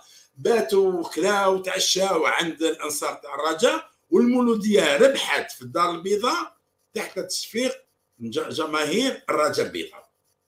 أكثر من هيك تسيبها أنت؟ وريها لي في كاش دولة. كاش دولة مهما كانت الأخوية بيناتهم. ويلا كرة القدم ما تلعبش بها بس صح الجزائريين والمغاربة لا كرة قدم تغلبهم ولا أنظمة تغلبهم. donc بالنسبة لنا العلاقة الجزائرية المغربية عمرها ما خسرت عمرها ما فزت وما زالت مليحة. تبقى على مستوى الأنظمة. لما تعود الجزائر تعاود تبني روحها وتعود دولة محترمة. تنحى لأنه الآن ما بقاش دولة في الجزائر. عندك فوايوات وتتخلص الجزائر من هذه ال voyous هادو ذاك الوقت تقدر لأنه بيكون يكون تفاهم بين الأنظمة هذا يزيد يساعد الشعوب في المعيشة تاعهم. مثلا تفتح الحدود آه، يعود فيه. كيما بكري كنا في السبعينيات. في السبعين شكون الجزائري ما زارش المغرب؟ شكون المغربي اللي ما زارش الجزائر؟ وشكون كانت الجزائر معمره مغاربة. عندنا في معهد الصحافة المدرسة الوطنية العليا للصحافة في الجزائر كانوا عندي زوج أساتذة مغاربة. أستاذ تفاسكا وأستاذ طانل ومن بعد نسمع بهم باللي جاوا درسوا في المغرب والتقيت مع صحفيين شباب يعني صغار خلاص. التقيت بهم في ميديا يقول لي قرينا عن تفاسكا وقرينا عن طانل شوف هذيك لو موند دي بوتي أوكي ندوزو ندوزو الأسئلة لأن كثيرة كما كما قلت. آه كاين سؤال آه، ديال آه، الأخ سفيان. لماذا تعتبر تعتبر يعتبر دعم الجزائر للجبهة الانفصالية؟ دعم جبهة تحرر وليس انفصال بينما مجرد تصريح سفير المغرب في الأمم المتحدة تم اعتباره كدعم للمغرب لجبهة انفصالية. ألا تكيل بمكيالين في هذه القضية رغم أن الأمر متشابه؟ لا الأمر ماهوش متشابه. أنني نقول لك انني موضوعي في هذا. بداية البوليزاريو بدات كحركه تحرريه هذا. لما طالت وطالت علاش؟ لأنه الجزائر ما بقاش تحسب عندي عندها استراتيجية، الجزائر حاليا ما عندهاش استراتيجية مع البوليزاريو، تشوف البوليزاريو أداة بين أياديها باش تبتز بها المغرب. أه تزير عليها قال يا روح تلقوا كرتوش رصاص على المغرب دوك يجي المغرب يضربكم وحنا نقولوا ها المغرب اعتدى على الجزائر. هاي استراتيجية الآخر استراتيجية تاع فويوات نروح نضربوا بحجرة درك يجي لي موراك ونقولوا ها بكري كانت ما كان donc ما تقدرش تكون انفصاليه كانت حركة تحرر وانشئت في المغرب. من طرف مغاربة كحركة تحررية. وطبعا المغرب لما أنشأوها بهدف إنها بعد تولي للمغرب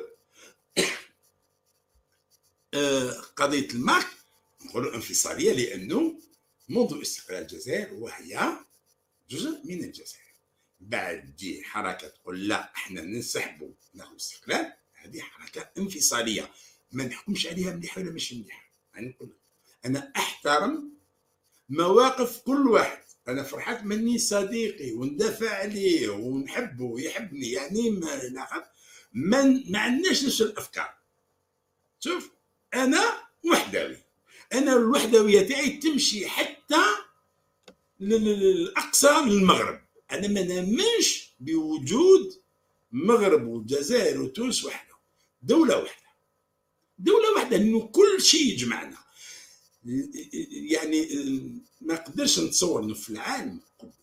في العالم كله كاين ثلاث دول عندهم نفس اللغة نفس الدين نفس العرب. شوفنا إحنا ما نعرفوش الشيعة والسنة. إحنا كنا سنيين كنا مالكيين كنا ما نعرفوش نميزوا الآخرين لا لا كل واحد لا.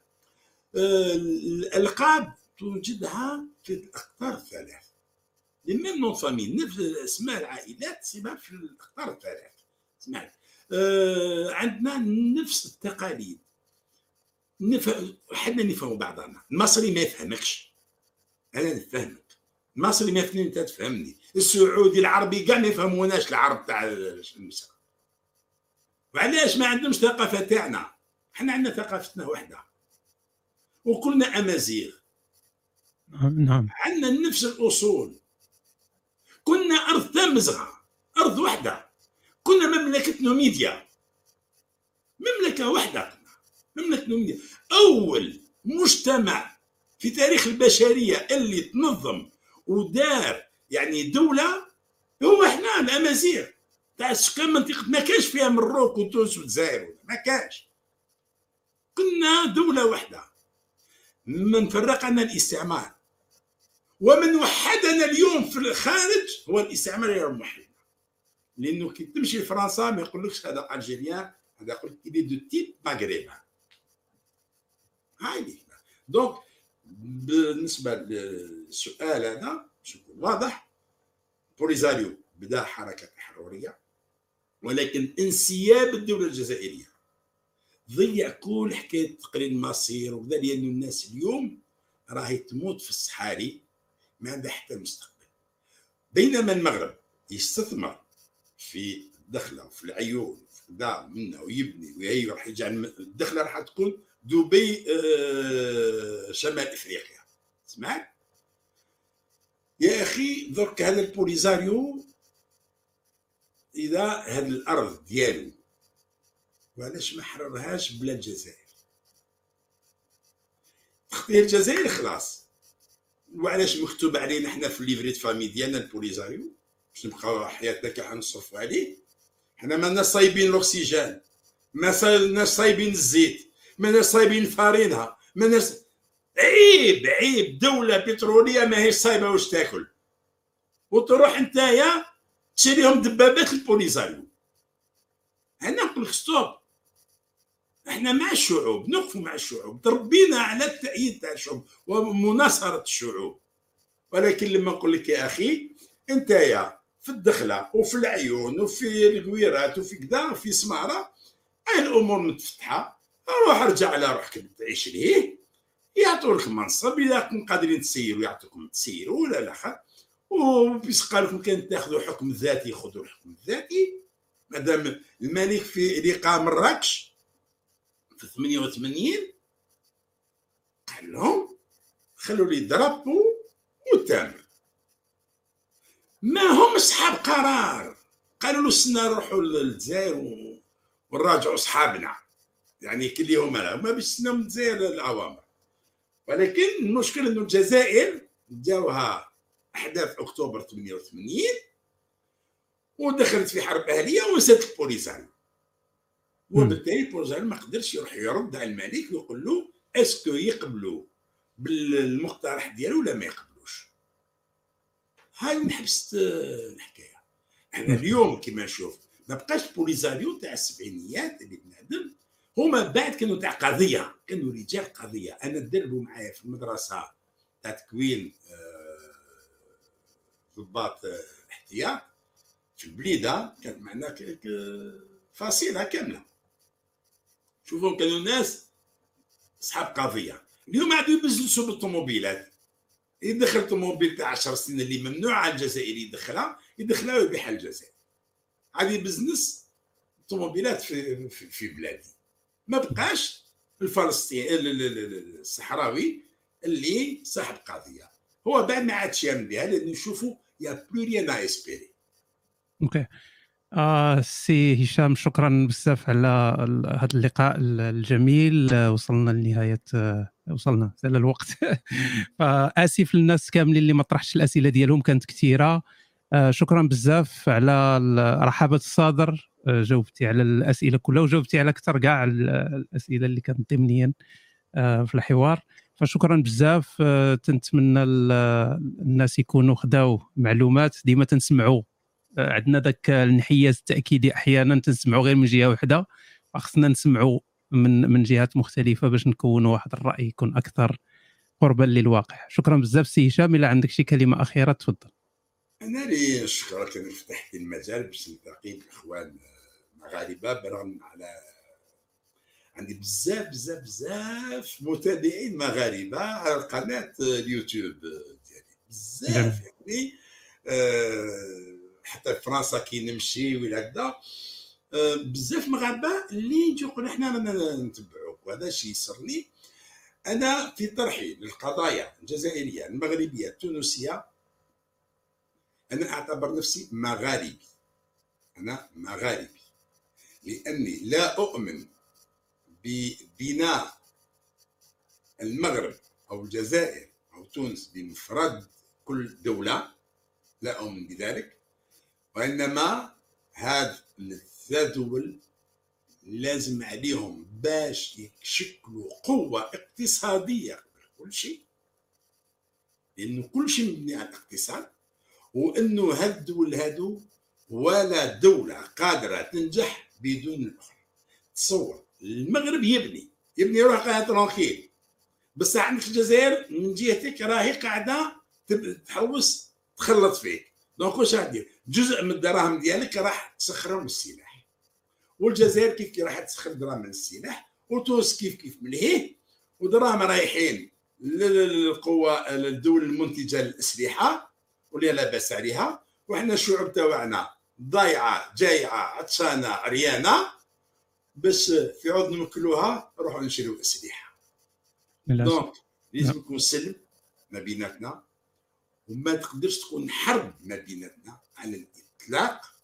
ما نقدرش نفكروا في هذا ما يفكر في الحرب بين الإخوان المغاربة من تونس والجزائر والمغرب إلا الخبيث إلا المجرم إلا الخائن إلا العميل وأنا ما نحبش نخون وما عنديش الكتب تاع هذاك عامل هذاك ولكن يا أخي لما نشوفك تحوس آه، تخلق عدم استقرار في المنطقة وتحب تخلق جو تاع حرب لأنه الحرب ما في صالح حتى واحد ما فيهاش منتصر خاسر ومنتصر الحرب فيها غير الخاسر خاصة بالنسبة لنا إحنا اللي يروحوا نشريوا الأسلحة من الخارج سواء الجزائر أو المغرب أو تونس نشريوا الأسلحة من الخارج الدراهم اللي نصرفوها على الأسلحة نصرفوها على الخبز تاع الشعب تاعنا لما نتكلم على زوج ملاير دولار راح الجزائر شرت بهم مقنبلات أنا كل مرة نذكرهم ونقول كان شراو بهم دي كنادير راهم آه منعوا هذه الأشجار اللي تحرقت. لأنه الأشجار اللي تحرقت ضرب الاقتصاد الجزائري. إنه الجزائر منها لعشر سنين تعود تستورد الزيت. وتستورد التين وتستورد العسل وتستورد آه، حبل الملوك الكرز السوريس وتستورد كل ما هي محتاجة إليه. وعلاش؟ لأنه ما تحرقتش غابات هكذا تحرقوا أشجار تحرقوا خلايا تاع النحل تحرقوا آه، اسطبلات تاع آه، غنم وتاع بقر كله راح. الاقتصاد ضرب ضربة قوية. لو كانوا عندنا دي كنادير رانا ما خديناش الضربة هذه. عوضا نشروا لي بومبارديي ما عندنا ما نديروا بهم شنو لي كان رانا شنو لي كنادير وأنا علاش اليوم نقول العصابة ولاد الحرام اللي تحكم في الجزائر ما دام تشكيو من المغرب تقول المغرب راهو يعتدي علينا وكذا الهدره للنساء العاهرات التي فقدن شرفهن هما اللي يهدروا. الرجال ما يهدروش. إذا المغرب اعتدى عليك أنت شاري طيارات وشاري دبابات يروح اصدم عليه وخلي المجتمع الدولي يحكم عليك اذا أنت ظلمته إلا هو اللي ظلم أما تبقى تحل في فمك وتبقى تعكر في الجو بين الجزائريين والمغاربة وتحب تخلي الجزائري يعيش دائما في الخوف وفي المؤامرة وفي كذا وفي كذا وزيد لما تحط الجزائر ديما عرضة إلى آه تهديدات وعرضة. وأنا الجزائر شرموطه هذه اللي تجي يطمع فيها ولا الجزائر راهي كانت مش لاغمها رخصوها هذه البونديه الولاد الحرام هذه الجزائر راهي مش لاغمها واحد ما كان يطمع فيها واحد ما تعرف شكون يطمعوا فيها ولا شوف كيش ردوا الجزائر. لانهم هما لما نقول ولاد حرام من هذا الصنف تاع الناس اللي ديما يشوف واحد طمع فيه. السلام عليكم ورحمة شكرا عزيزي شكرا لكل اللي تابع الحوار ونلتقى في لقاء جديد من حوارات هشام. تحياتي للجميع. الله يسلمك.